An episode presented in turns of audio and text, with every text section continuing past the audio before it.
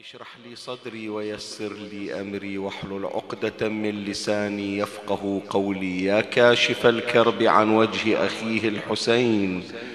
اكشف كربي بجاه أخيك الحسين. نادي عليا مظهر العجائب. تجده عونا لك في النوائب. كل هم وغم سينجلي بولايتك يا علي.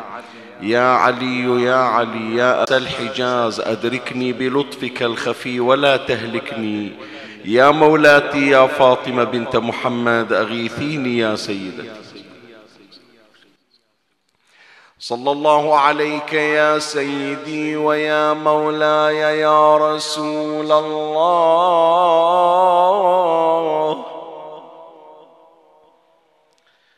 صلى الله عليك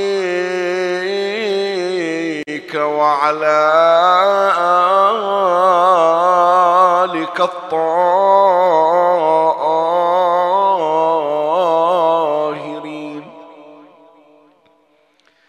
فاز من اعتصم بكم وأمن من لجأ إليكم. يا ليتنا كنا معكم سادتي. فنفوز فوزا عظيما. أعوذ بالله من الشيطان الرجيم. بسم الله الرحمن الرحيم. يا أيها الذين آمنوا اتقوا الله ولتنظر نفس ما قدمت لغد واتقوا الله واتقوا الله إن الله خبير بما تعملون آمنا بالله. صدق الله مولانا العلي العظيم.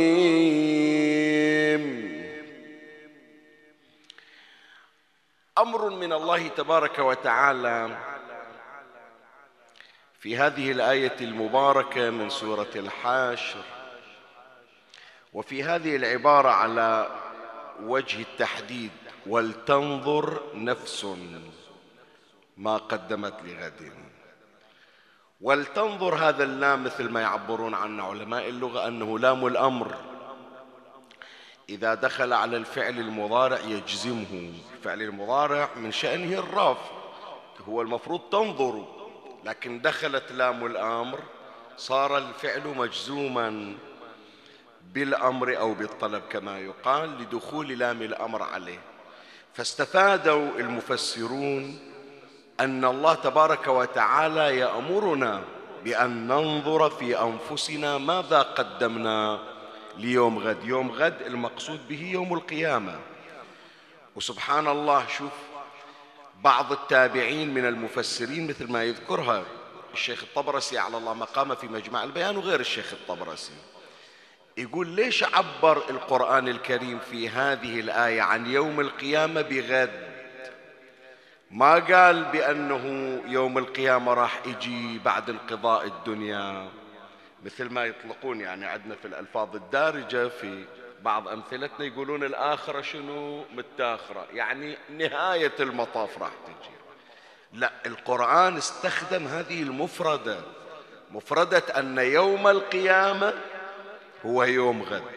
شلون جنابك أنت الآن عندك التقويم عندك الكالندر وعندك هذه الروزنامة تفتح كل يوم ورقة. اليوم الجمعة باكر السبت تنتظر التاريخ. فتخيل جنابك أن عندك هذه الروزنامة عندك هذا التقويم. من تيجي تنزع ورقة اليوم؟ تشوف ورقة باكر مكتوب يوم القيامة. شو يصير في قلبك؟ تقول ما رتبت ما استعديت. إيش أقول لربي؟ ما أدري صلاتي مضبوطة مو مضبوطة معاملاتي مضبوطة مو مضبوطة. الآن باكر لو إحنا يوم من الأيام سويناها ولو من باب الإيهام يعني. تخيل يعني جنابك أنه تخلي لك ورقة مثلا أن غدا يوم القيامة. راح تشوف أن حالة موجودة تتولد عندك في قلبك. وهذه الحالة من الخوف أو من القلق أو من الاضطراب لا تتصور بأنها حالة مرضية ترى حالة صحية. يعني بعدك أنت عندك خوف من الله تبارك وتعالى. إذا واحد ذكرك بالآخرة لا زال العداد يتحرك المؤشر يتحرك وهذا في حد ذاته حتى مع وجود التقصير. ما أقول بأن التقصير مبرر أقول لا. بس عندك مؤشر من الله يقول لك دير بالك الآن متراخي يكون تلتفت في في قادم الأيام. فالآية الكريمة عبرت عن يوم القيامة بغد ليش؟ لأنه إذا عرفت أنه ما باقي شيء الآن كم باقي على باكر؟ أقل من 12 ساعة. تمام لولا؟ فمن يقولون لك عندك عشر ساعات بس ويجي يوم القيامة. حاول تدارك أمرك بسرعة. كذلك لو رأيت يوم القيامة أنها صار أن هذا اليوم صار قريبا. حتى لو عندك تقصير حتى لو عندك تراخي حتى لو عندك تسويف إذا رأيت القيامة قادمة وقريبة فإنك ستبادر إلى تحسين وضعك إلى تعديل شؤونك. ترتب أمورك. ليش؟ يقول لك باكر ورايا موت. شوف حتى في مصطلحاتنا إحنا ناخذ المصطلح القرآني. من نجي نحاسب واحد نقول له ما تخاف من الله ترى باكر وراك حساب ورا زين هو مو باكر المقصود وراء 24 ساعة. بس إحنا استخدمنا أسلوب القرآن. ولتنظر نفس ما قدمت شنو؟ لغد غد مو باكر يعني القد الآخرة التي نراها قريبة. زين. فالأمر جاء بالنظر. لتنظر يعني شنو؟ عبروا عنا علماء الآداب علماء السلوك علماء الأخلاق. وهذا مأخوذ من الروايات أنه لتنظر نفس يعني محاسبة النفس. أنا من أنظر في نفسي أجي أشوف هالنفس مقصرة مو مقصرة مرتبة شغلها شغلها مخربط. هذا النظر الذي أطلقت عليه الروايات بمحاسبة النفس. فلهذا يأخذون هي الرواية للاستدلال على أهمية محاسبة النفس. والغريب يا إخواني عندنا بعض العبارات فعلا عبارات أخاف أقول أنها مخيفة. لا والله مو مخيفة. بس خلي أقول بأنها نوعا ما قاسية. إجت بعض العبارات في الروايات الشريفة من أهل البيت عليهم السلام. استخدمت بعض المفردات العنيفة اللي تحسسك بأهمية محاسبة النفس. محاسبة النفس أو النظر في النفس مو مرة واحدة في العمر. ولا إذا شفت روحي راح يودوني يسوون لي check up في المستشفى خاف أنه مثلا أدخل عمليات يمكن أموت في العمليات فمن الآن أحاسب نفسي ديروا بالكم على فلان ديروا بالكم على لا. الروايات تجي تعتبر المحاسبة محاسبة النفس ضرورية من ضرورة من ضروريات يومك. شلون جنابك أنت يمر عليك يوم ما تتنازل فيه عن الفرائض؟ تخيل واحد يقول بأنه أنا مثلا اليوم غفلت عن صلاة الصبح غفلت عن صلاة الظهر. على الأقل أبادر أركض وأقضي الصلاة اللي علي. أهل البيت يعاملون محاسبة النفس كل يوم كأنما فريضة من الفرائض. وإجت الروايات تشير إلى هذا المعنى. فمثلا من الروايات ما ورد عن نبينا محمد صلى الله عليه وآله. اللهم صل على محمد. قال صلى الله عليه وآله لا يكون العبد مؤمنا حتى يحاسب نفسه أشد من محاسبة الشريك شريكه والسيد عبده. شنو لا يكون العبد مؤمنا؟ يعني هذا مسكين يصلي يصوم يطلع صدقات لكن النبي يقول له حاسب نفسك الليلة قبل لا تنام لو لا اذا إيمانك في خلل. لا يتم إيمانك ولا يكتمل حتى تخلي لك شلون عندك وقت مثلا مقدار ربع ساعة على صلاة الصبح نص ساعة على صلاة الظهرين وهكذا. لازم تخلي لك وقت في كل يوم لمحاسبة النفس. حديث آخر عن إمامنا موسى الكاظم صلوات الله عليه وهذا كثير ما يستشهد بهذا الحديث. قال ليس منا ليس منا يعني شنو؟ يعني لا يحسب روحه شيعي.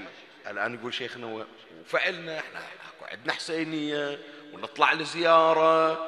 وأنا إذا سألوني سن له شيعي من أي مذهب أقول أنا شيعي. لا أهل البيت يقولون النموذج المتكامل النموذج الشيعي ما ينطبق عليك. تريد تصير شيعي كما يريد أهل البيت هناك لوازم. منها ليس منا من لم يصلي صلاة الليل. منها من غشنا فليس منا. واحدة من الأمور التي تعطيك عنوان الشيعي المتكامل أنه كل ليلة تحاسب نفسك. يقول الإمام سلام الله عليه ليس منا من لم يحاسب نفسه في كل يوم. فإن عمل خيرا استزاد الله منه. الليلة حضرت مجلس. ليلة باكر أقول ليش أكتفي بمجلس واحد؟ إذا هذه بركة وخير وثواب حصلت ليش الثواب يكون فقط 25% 50% عندي وقت فاضي ليش ما أسمع مجلس آخر وأضيف ثواب على ثوابي؟ طلعت صدقة وعندي مبلغ كافي وأنا مستغني عنه ليش ما أطلع صدقة مرة أخرى؟ عن أمواتي عن أبي عن إمامنا صاحب الزمان قائم آل بيت محمد عجل الله فرجه الشريف. استزادة الإمام يعبر عنها بأنها استزادة فإن عمل خيرا استزاد الله منه وحمد الله عليه وإن عمل شرا استغفر الله منه استغفر الله منه وتاب إليه. يا أحبائي هذه هي المحاسبة. شوفوا شلون القرآن يأكد على المحاسبة وشلون الروايات تأكد على المحاسبة. القرآن أوجبها علينا ولتنظر فعل أمر. الروايات ما تخلينا مؤمنين إلا إذا حاسبنا أنفسنا. ما تخلينا شيعة حقيقيين إلا إذا حاسبنا أنفسنا في كل يوم وليلة. طيب إيش أسوي في المحاسبة شيخنا الآن أولادنا الله يبارك فيهم يسألوني يعني خصوصا اللي قاعدين يتابعون وأنا أشوف سواء كان عندي في المجلس أو الآن حتى في بيوتهم بعض من أولادي وبناتي جزاهم الله خير يكتبون المجلس ونقاط المجلس وأحاديث المجلس وشواهد المجلس بعضهم يرسله إلى شيخنا هذا تلخيص بحث الليلة. عدل لو لا. من البحرين ومن خارج البحرين الله يوفقهم ويبارك بهم. لو يسألون شيخنا زين هذه المحاسبة شلون تصير؟ راح يمر علينا طبعا في أثناء الكلام. أنا شلون أحاسب نفسي؟ إيه؟ واحدة من طرق المحاسبة. شوف منهج أهل البيت. واحدة من طرق المحاسبة عندك نقص. فالمحاسبة تجعلك تكمل ذلك النقص. قبل النقص عندك خطأ. المحاسبة تصحح الخطأ. شلون؟ إجيت أحاسب نفسي. صلاتي عدلة لو مو عدلة؟ قراءتي عدلة لو مو عدلة؟ زين أنا عندي هذا الموبايل دائما بإيدي. وباليوتيوب أقدر أطلع أكثر من قارئ من قراء القرآن وقراءته صحيحة ومعتمدة. ليش ما أطلع سورة الفاتحة وسورة الإخلاص؟ على أقل التقادير مو إلا ختمة القرآن. وأتابع قراءتي إلى الحمد مضبوطة مثل ما يقراها هذا. التوحيد قل هو الله أحد مضبوط مثل ما يقرأ هذا الشخص لو بها خطأ. فأنا الليلة من أحاسب نفسي وأنا على الفراش قبل لا أنام. وأحاول أشوف عندي أخطاء والأخطاء بحاجة تصحيح لا تصحيح لو لا من أحاسب نفسي.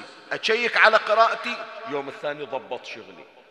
خلي بدام مريت يعني أنا أذكر قضية سبحان الله الآن شلون استحضرتها؟ بركات أهل البيت سلام الله عليه مرة من المرات في كربلاء المقدسة رزقنا الله وإياكم الوصول.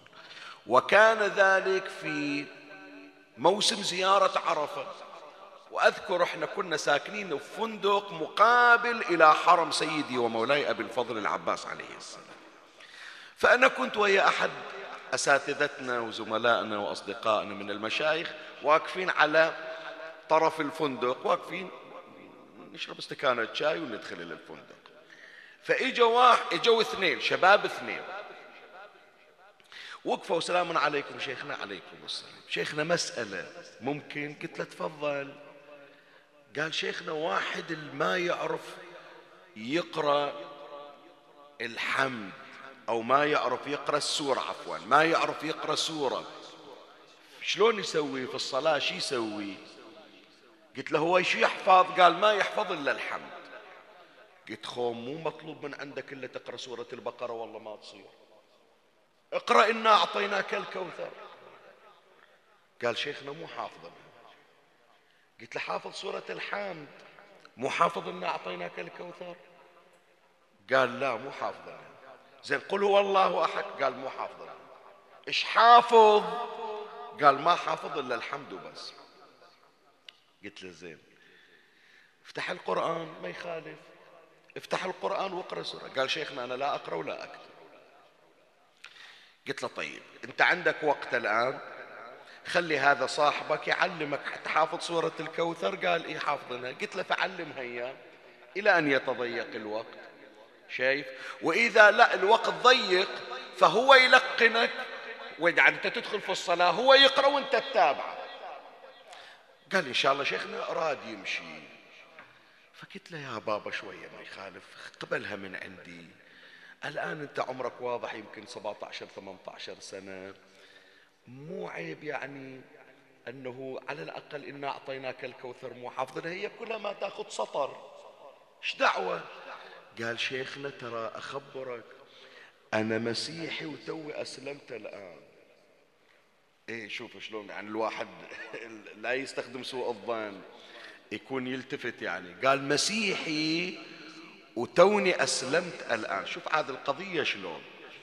وأنا حافظ سورة الفاتحة لأنه مرات أروح إلى أصحابي في الفواتح فيقرون فاتحة فأنا أكررها يعني حفظها ربعي بس ما بصلي وأنا الآن جاي لأنه سبب دخولي في الإسلام أبو الفضل العباس. وأنا طالع من بغداد وجاي إلى كربلاء وأريد أصلي صلاة ركعتين. إيه، الزيارة للعباس وما حافظ السورة. فهذا السبب اللي خلاني ما أحفظ. فعلى أي حال خلي أقول لك يعني أنا ليش استحضرت هذه القضية؟ هذا اللي مو حافظ مع العلم مسيحي بس المعيب علينا إحنا كمسلمين وتوصل أعمارنا إلى خمسين وستين سنة وتالي نلتفت بعد فوات الأوان بأن قراءتنا قراءة لا تتم بها الصلاة. فأنا شي يضرني وقت النوم مثلا؟ أستذكر ليش ما أفتح الموبايل الآن؟ أسمع مثلا سورة الفاتحة. إذا بي شيء خطأ أصححه.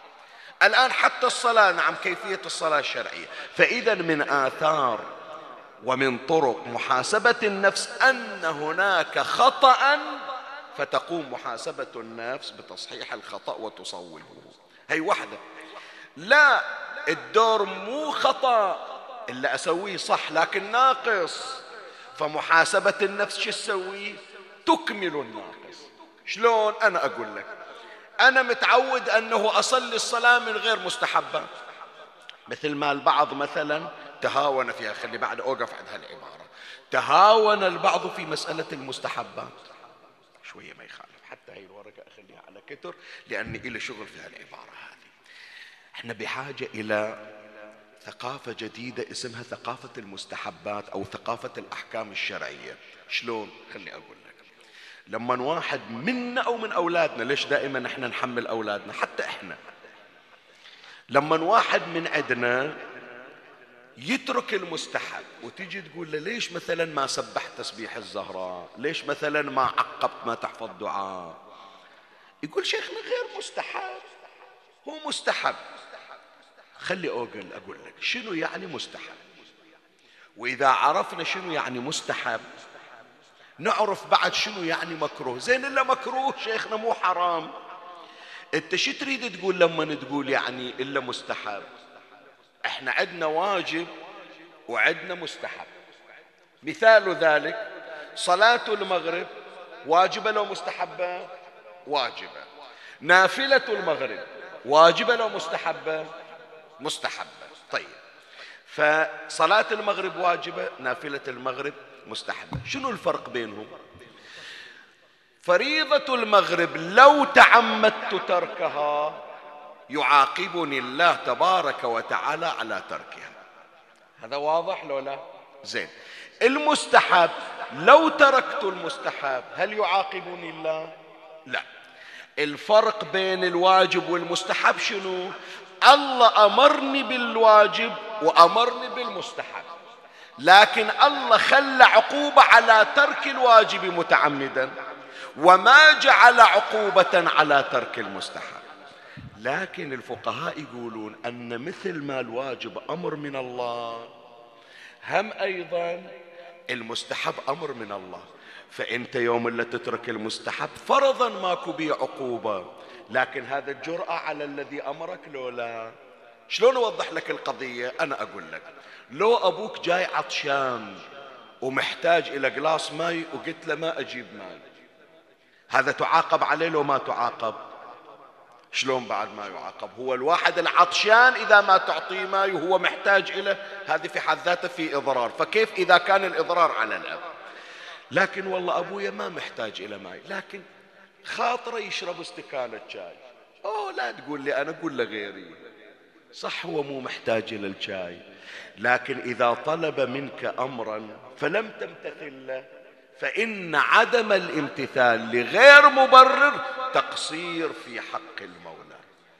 الآن هذا المعنى التقريبي طبقه على أوامر الله عز وجل. صح الله ما خلى لك عقوبة على المستحب لكن الله يريد يختبرك. الله يريد يمتحنك يشوفك أنت من يطلب من عندك طلب تبادر. لو ما تبادر تسارع حتى لو ما موجود عقوبة على تركه.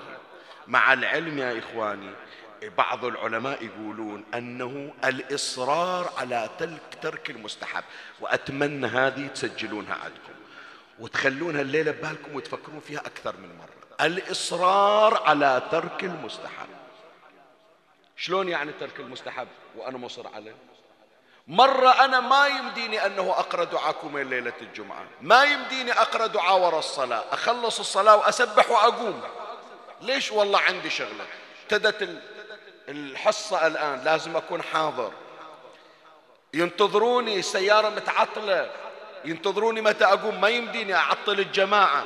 فأنا مثلا أقرأ الدعاء في الباص أو أقرأ الدعاء في السيارة أو قمت لسبب. هذا يمكن عذر. لكن واحد يتعمد ما راح أقرأ دعاء وما راح أعقب عاد عندي عذر لو ما عندي عذر. هذا ترى يتحول من مستحب وترك مستحب إلى جرأة على الله عز وجل.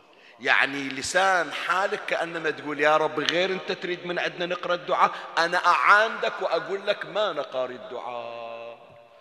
فهذه الحالة من الإصرار والعناد.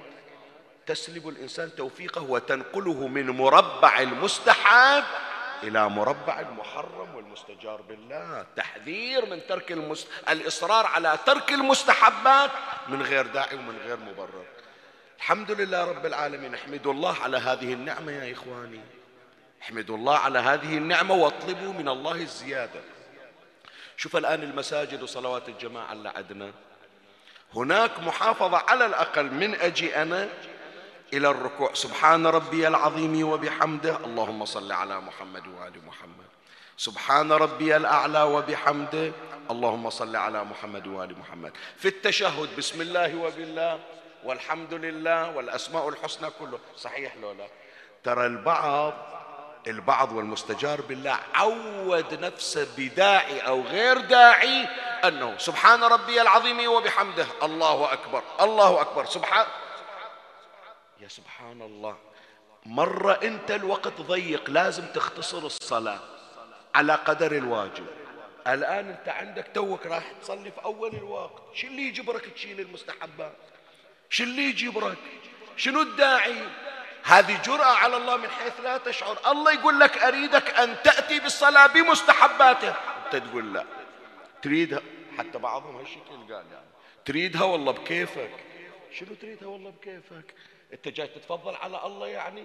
تفضل الله عليك أن جعلك من الذين يماثلون ويحاكون الملائكة في قيامهم. هالركعة اللي شوية تستصعبها على ظهرك ترى هناك من الملائكة ركوع لا يسجدون وفيهم سجود لا ينتصبون وفيهم قيام لا يقعدون.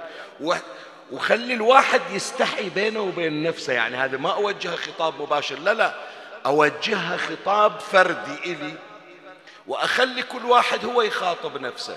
مو عيب مو عيب إبليس سجدة واحدة أربعة آلاف سنة كما قال أمير المؤمنين. سجدة واحدة لإبليس أربعة آلاف. لا استمل لا قال طولت أنا اللي محسوب على ملاك آل محمد. أنا اللي أتمنى أكون جندي من جنود القائد أنا الذي أتمنى أن يشرفني الله بخدمة آل محمد. أستكثر الثلاث ثواني الخمس ثواني التي أصلي فيها على محمد وآل محمد.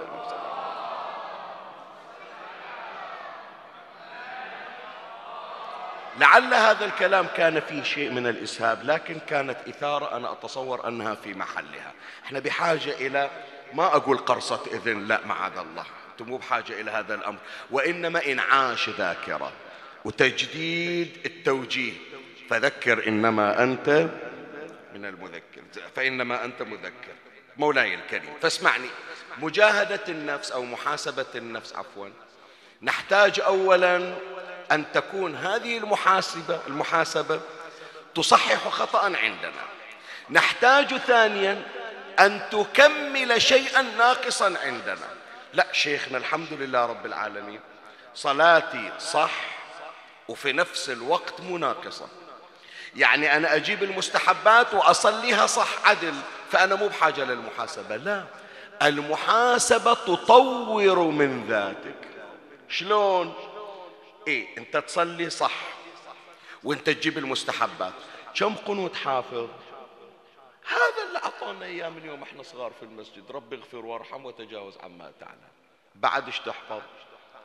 ما أدري اللي يجيب الشيخ ربنا اتنا في الدنيا حسنة.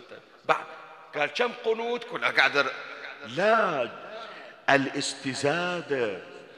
هذه اللي يعبر عنها الإمام سلام الله عليه. فإن رأى خيرا لا يكون العبد يقول الإمام سلام الله عليه فإن عمل خيرا استزاد الله منه. يعني مو الصلاة الأولية مو الصلاة الأولية اللي صلاها يوم عمره ست سنين الآن عمره ستين سنة لابد يطلع فرق أربعة وخمسين سنة. يوم من الأيام الإمام الصادق عليه السلام قاعد ويا أحد علماء الشيعة. مو جاهل لا من علماء الشيعة لمن يقعد يعلم الشيعة. قال للإمام أوقف وصلي لي ركعتين. أوه الإمام يختبره. فكل شيء حافظنا جابه. كل شيء حافظنا ومستحب جابه. لما فرق قال له سيدي ها شلون صلاتي؟ قال يبلغ الرجل منكم الستين ولا يحسن أن يصلي لربه ركعتين. هذا فقيه في زمن الإمام الصادق. شي يريد يقول للإمام مو صلاتك باطلة مو صلاتك ناقصة. بس يريد يقول له ترى هاي صلاتك قبل عشرين سنة من يوم انت ويانا؟ ما سألت عن دعاء جديد ما سألت عن مستحب جديد. إن الله تبارك وتعالى كما ورد في الخبر الحديث القدسي لا يزال عبدي المؤمن يتقرب إلي بالنوافل حتى أحبه كل دعاء تحفظه جديد. الله يحبك أكثر وإذا أحبك الله أكثر أفاض عليك أكثر مما أفاض عليك من قبل. فإذا محاسبة النفس إما لتصحيح خطأ واحد أو لإكمال ناقص اثنين أو لتطوير الذات. فلهذا تدرون يا أحبائي إذا واظبنا على هذه الضرورة اللي هي محاسبة النفس في كل يوم شوف شلون نتغير إحنا شوف شلون نتبدل. تجيني عقب أسبوع تشوفني غير أجيك عقب شهر أشوفك واحد ثاني. ليش؟ لأنك دائما في تصحيح أخطاء وفي زيادة بعد نقيصة وفي تطوير مستمر. شوف موبايلك هذا من تسوي له ابديت باستمرار. تشوفه جديد حتى لو كان الموديل قديم لكن يصير جديد. بينما خلي أنت جهاز توك مشترينا الآن والتركة من غير تحديث الفيروسات ولا تنتقل اليه طبق هذا الأمر على نفسك.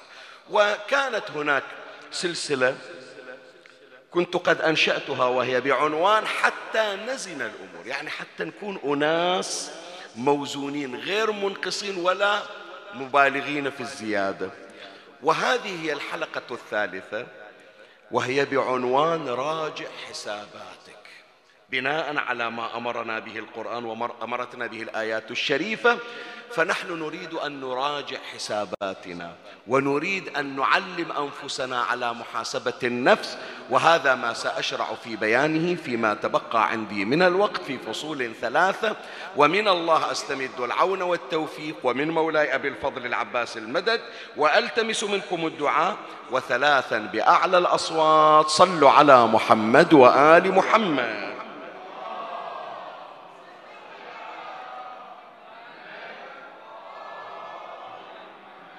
اللهم صل على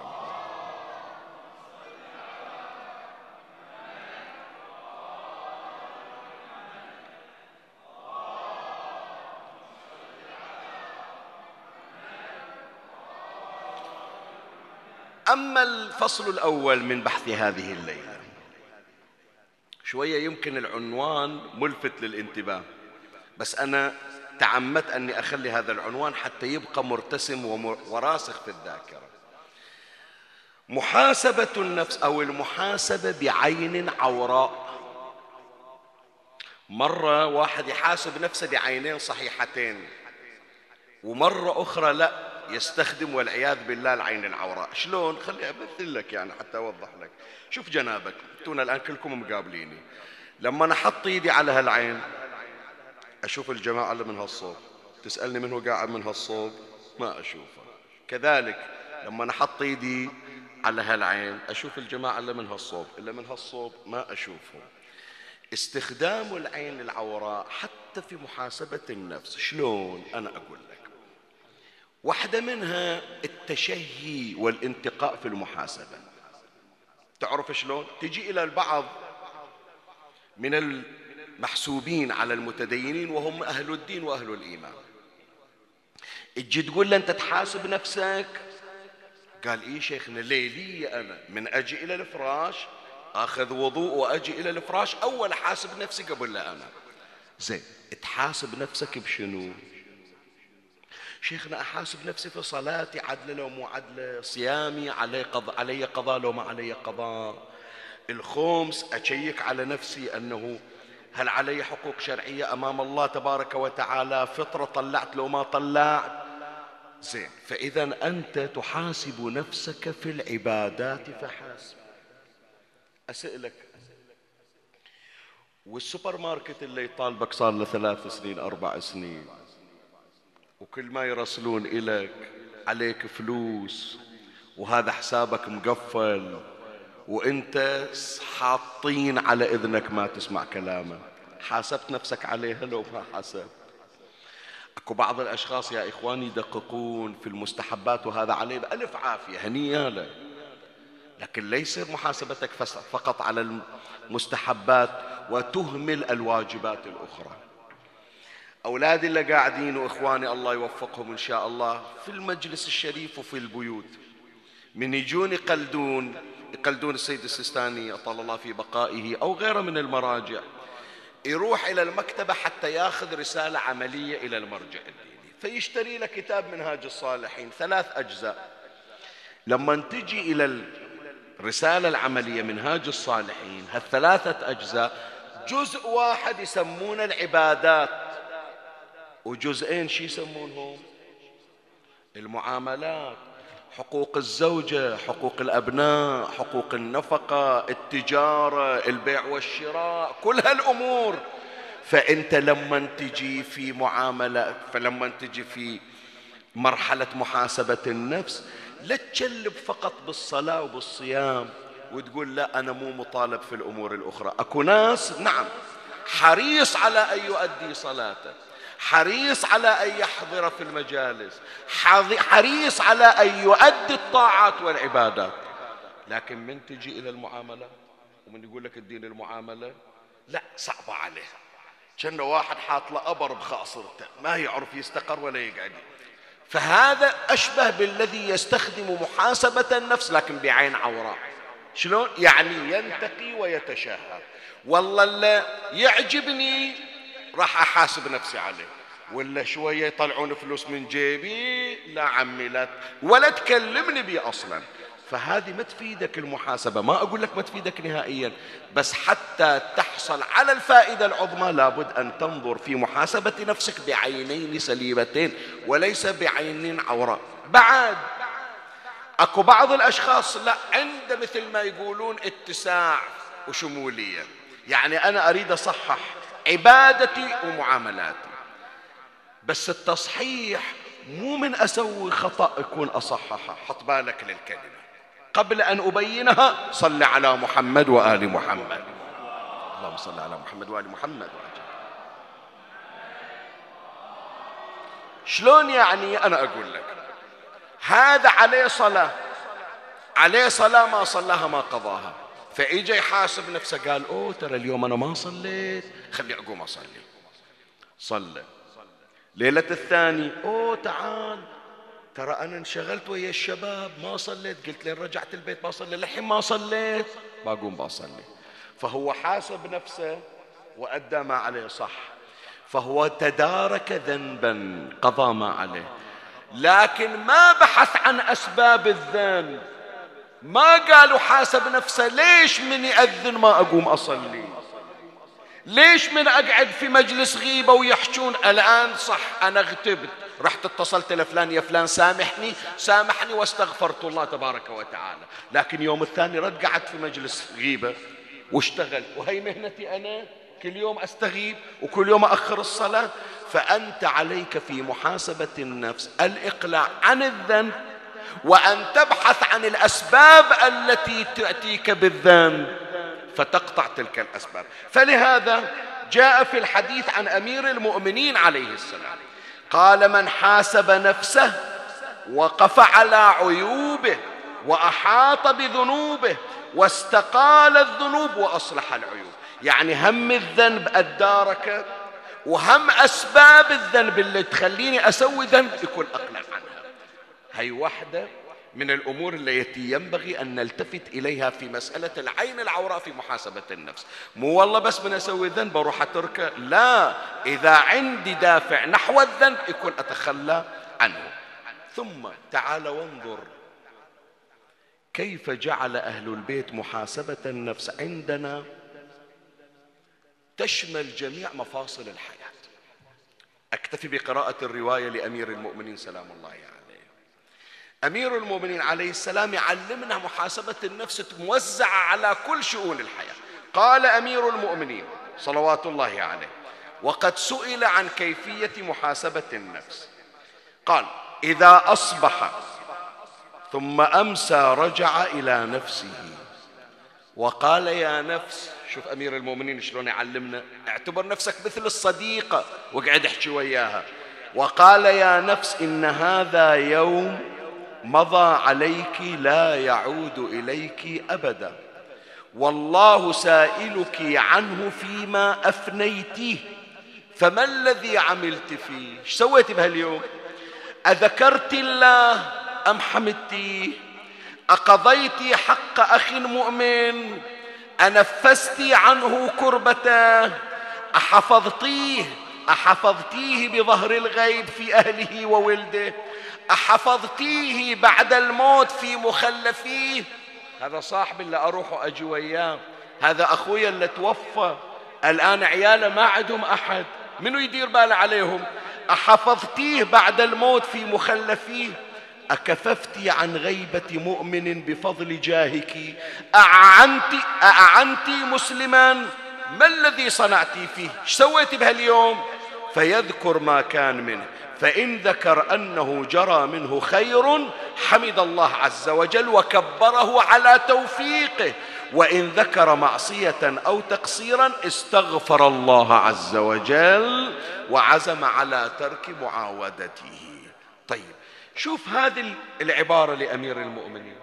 شوف شلون تربيك. واحدة منها تخلي عندك جانب روحي.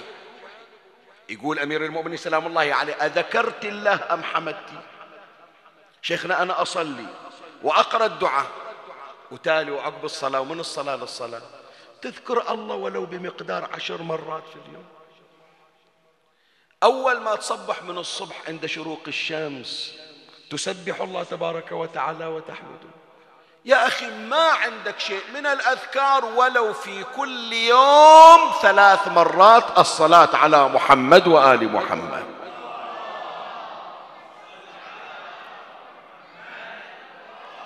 وهذه خلوها تحت تحتها خطين يا أحبائي. خلي عندك على الأقل في اليوم خمس مرات أو في اليوم ثلاث مرات الصلوات. بنية أن لا تكتب في هذا اليوم من الغافلين وإنما تسجل من الذاكرين. إحنا نصلي على النبي دائما. الله إن شاء الله يزيدنا هذه النعمة. في الصلوات نصلي على النبي. شايف؟ في مجلس الله يوفق الله يوفقنا ونصلي على النبي. وهكذا نقرأ دعاء وصلينا على النبي. خلي إلك في وقت الفراغ ولو ثلاث مرات حتى لو قبل النوم قبل لا تنام صل على النبي ثلاث مرات. ليش؟ حتى في هذا اليوم اكو دفتر يسمونه دفتر الذاكرين عند الملائكة واكو دفتر آخر يسمونه دفتر الغافلين الغافلين اللي ما ذكروا الله طيلة اليوم. فأنت في أبسط التقادير ما عندك صفحة اشكبرها ما عندك كتاب من ألف صفحة صليت على محمد وآل محمد.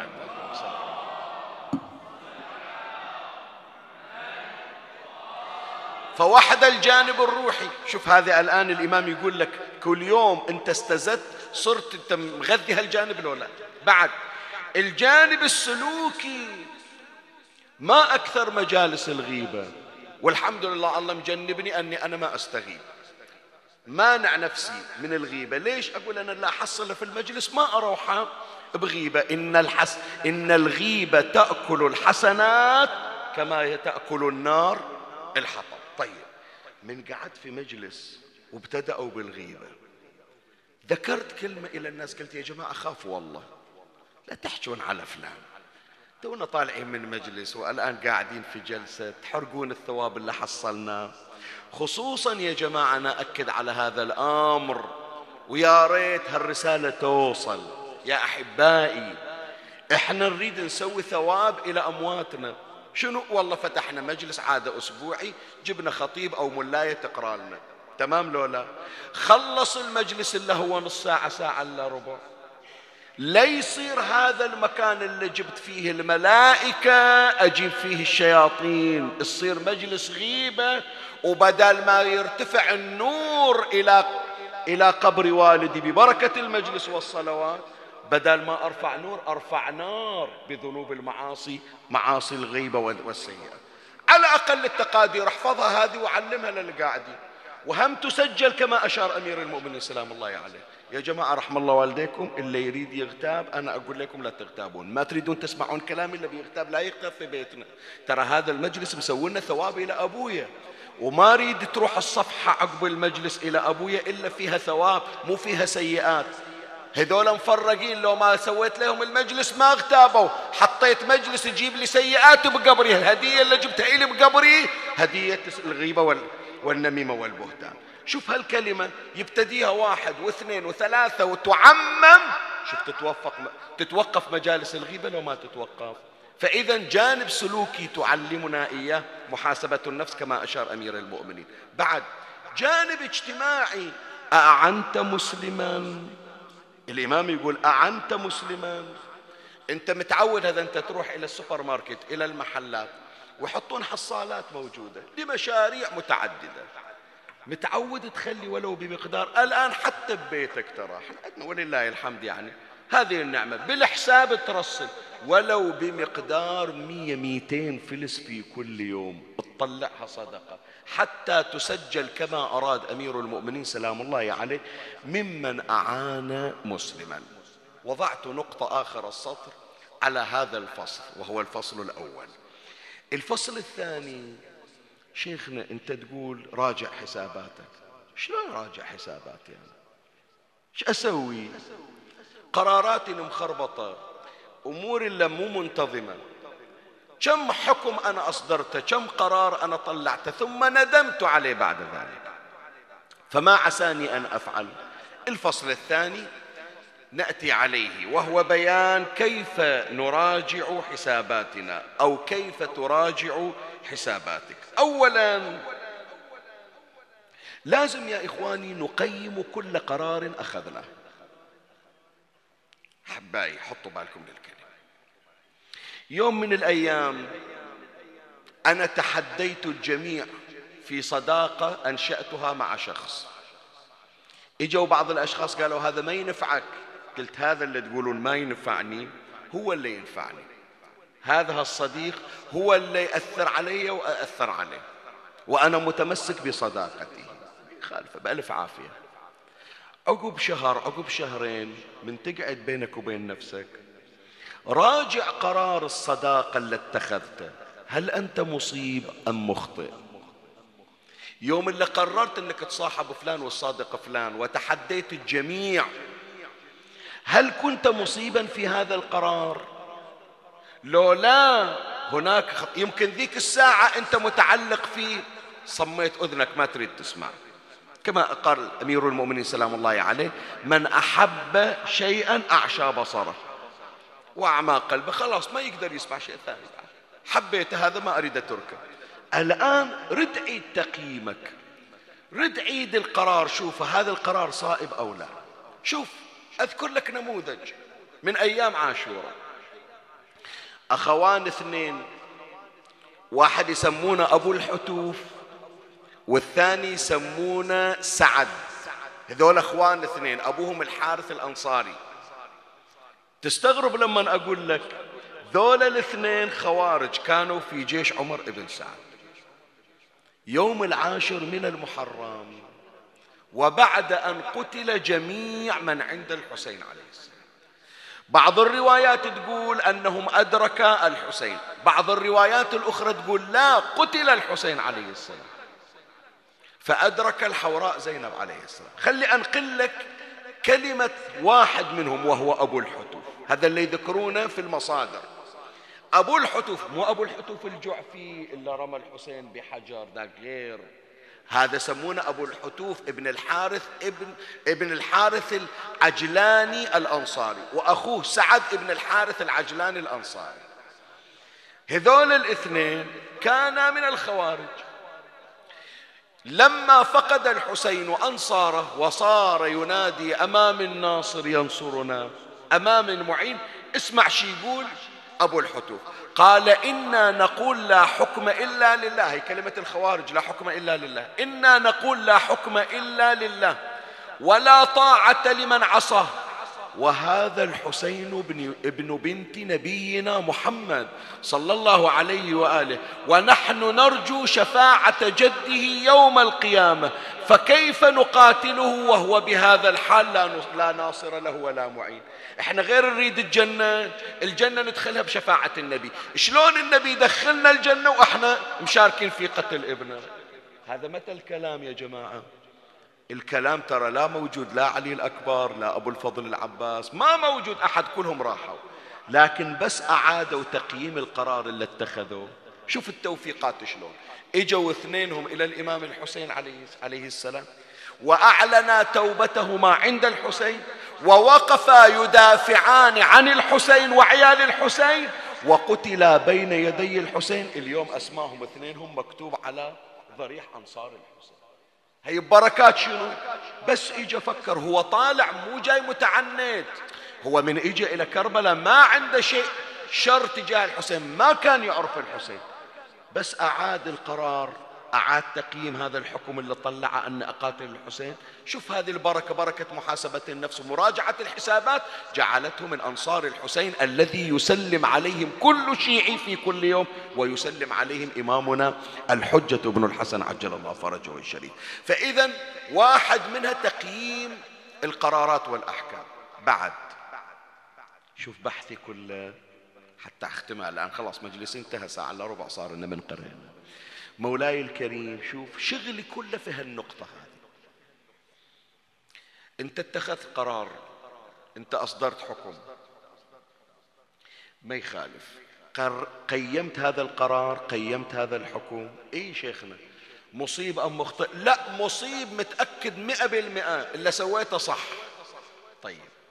هذا تقييم القرار. الآن تعال إلى تقييم تنفيذ القرار.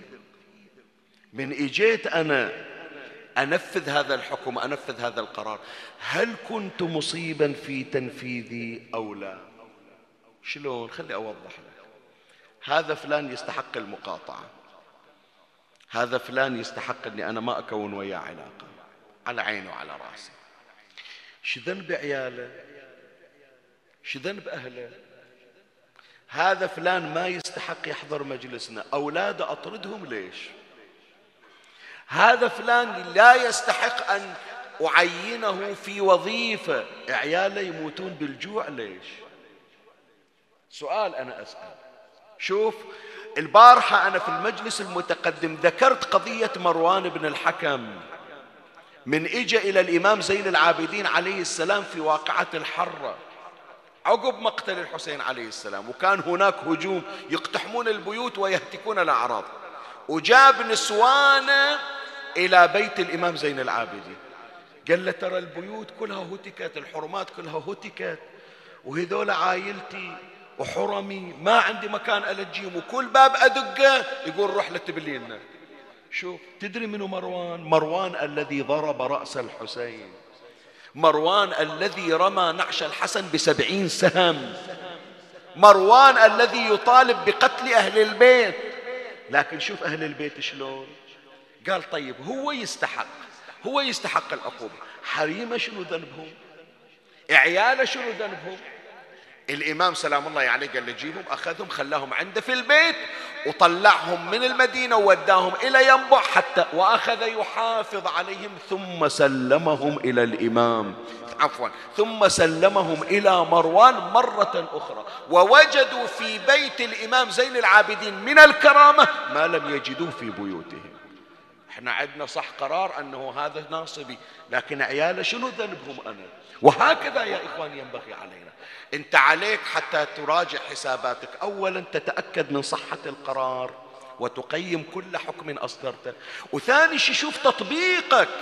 شوف شلون أنت تطبق هذا القرار. هل بصورة سليمة أو لا؟ الآن أنا قاطعته يوم كان هو فاسق منحرف. بس الرجال تاب. أجي إلى وراء عشرين سنة ثلاثين سنة وأنا أتعمد أن أؤذيه. ليش؟ هذا الفصل الثاني قد انتهى بذلك أكون قد ختمت حديثي. أما ما أنتقل به إلى مصاب أهل البيت وهو الفصل الثالث شوفوا ليلة العاشر من المحرم. ليلة العاشر من المحرم يا إخواني حط عليها عنوان ليلة محاسبة النفس. أولادي إخواني كلنا نقرأ من يوم إحنا صغار. وبات الحسين وأهل بيته وأصحابه ولهم دوي كدوي النحل ما بين قائم وقاعد وراكع وساجد وتال للقرآن. عندهم صلوات عندهم قرآن عندهم أدعية عندهم مناجات. تدري واحدة من أعمالهم شنو؟ محاسبة النفس. باكر إيش راح نسوي؟ باكر إحنا أصلا هالقرار اللي سويناه أنه نتخلى عن كل شيء من لذات الدنيا ونتمسك بالحسين عليه السلام. هل نحن مصيبون أو لا؟ أجمعوا على ذلك للتأكيد. بعد يوم لهذا القرار كيف سننفذ هذا القرار؟ فلهذا خلي أقرأ لك العبارة. حبيب ابن مظاهر الأسدي. واحدة من أعمال ليلة العاشر من المحرم.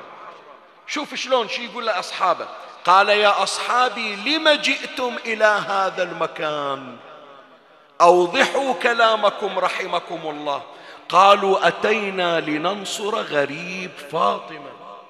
جايين حتى نستشر في طريق الحسين عليه السلام. قال فقال لهم لم طلقتم حلائلكم؟ طلقتم حلائلكم يعني شنو؟ يعني تركتم حريمكم نسوانكم وجيتوا للحسين عليه السلام. ليش هذا كله؟ قالوا لذلك. هذا التأكد من تقييم القرار. يعني هل واحد من عندكم متردد؟ هل واحد من عندكم بعد يفكر في نساءه بعد يفكر في منصبة بعد يفكر في أمواله؟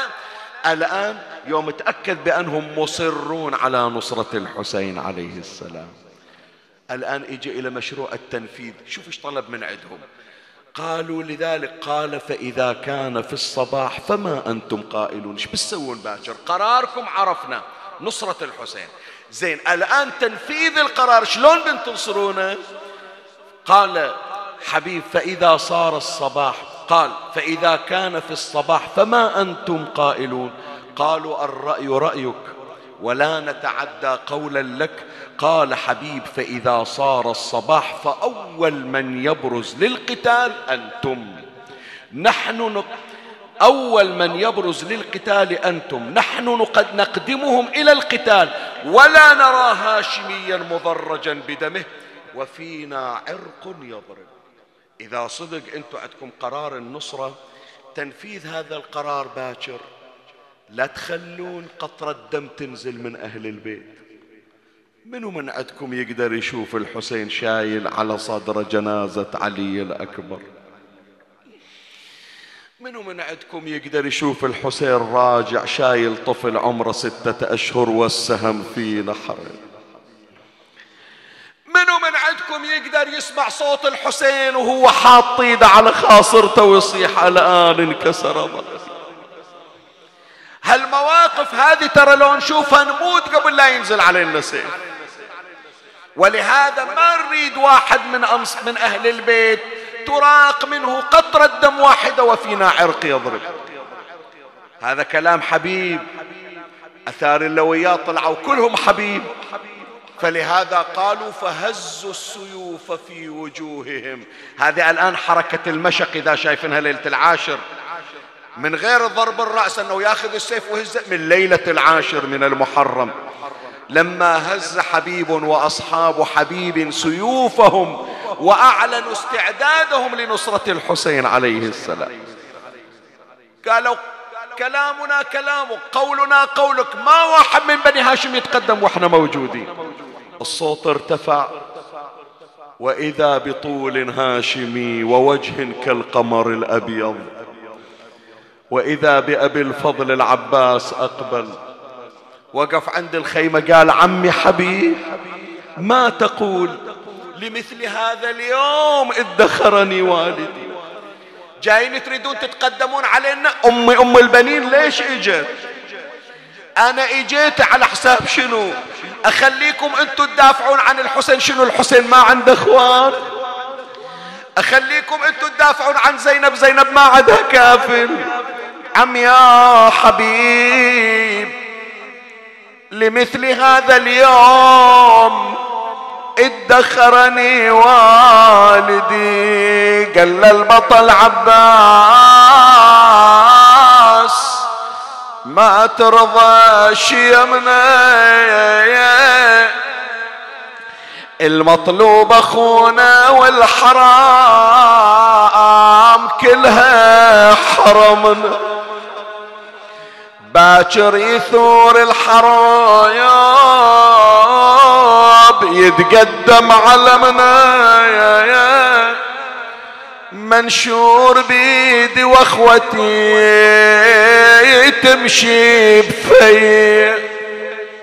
وويل صاح الشهيد حسين يا ظنوة الكرام قدامنا خلها يا خويا تفوت الأنصار. أبو فاضل منا ومنهم يا الاخو تتقصف أعمار. وتالي النهار خيامنا تبقى خليل. شوف هذا البيت يحرق قلبك لو لا تالي على خيمنا يا يا يا خويا تهجم الخيل وتطلع حرمنا ضايعات بلا رجاج ليتك تعاين حالها يا يا لو هود الليل. تبكي علينا بكل صباح وكل مسيح إي والله ضاعت زينب ضاعت.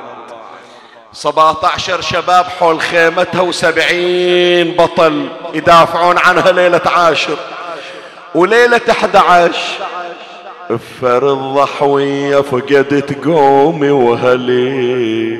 جني لا بت فاطمة ولا بت علي. من العشيرة ما وبقى واحد إلي. حتى العباس على المسناية أويلي. أنا كنت أمر وأنهي بكلمتي حاضرة كلها عمامي وأخوتي. اليوم شتموني من أهل دمعتي وانسبي من ولاية إلى ولاية أنا بالأمس ما واحد خيالي يشوفه. تالي شافوني أهالي الكوفة. على الجمل وأنا بحبل مجتوفة. وانضرب من احكي فد حجاية اعظم علي واحد قال هالحرمة كنها مالها رجال قلت لنعم سبعين خيال تركناهم جنايز فوق لرمايال بلا رجال ظلينا. بلا رجال ظلينا.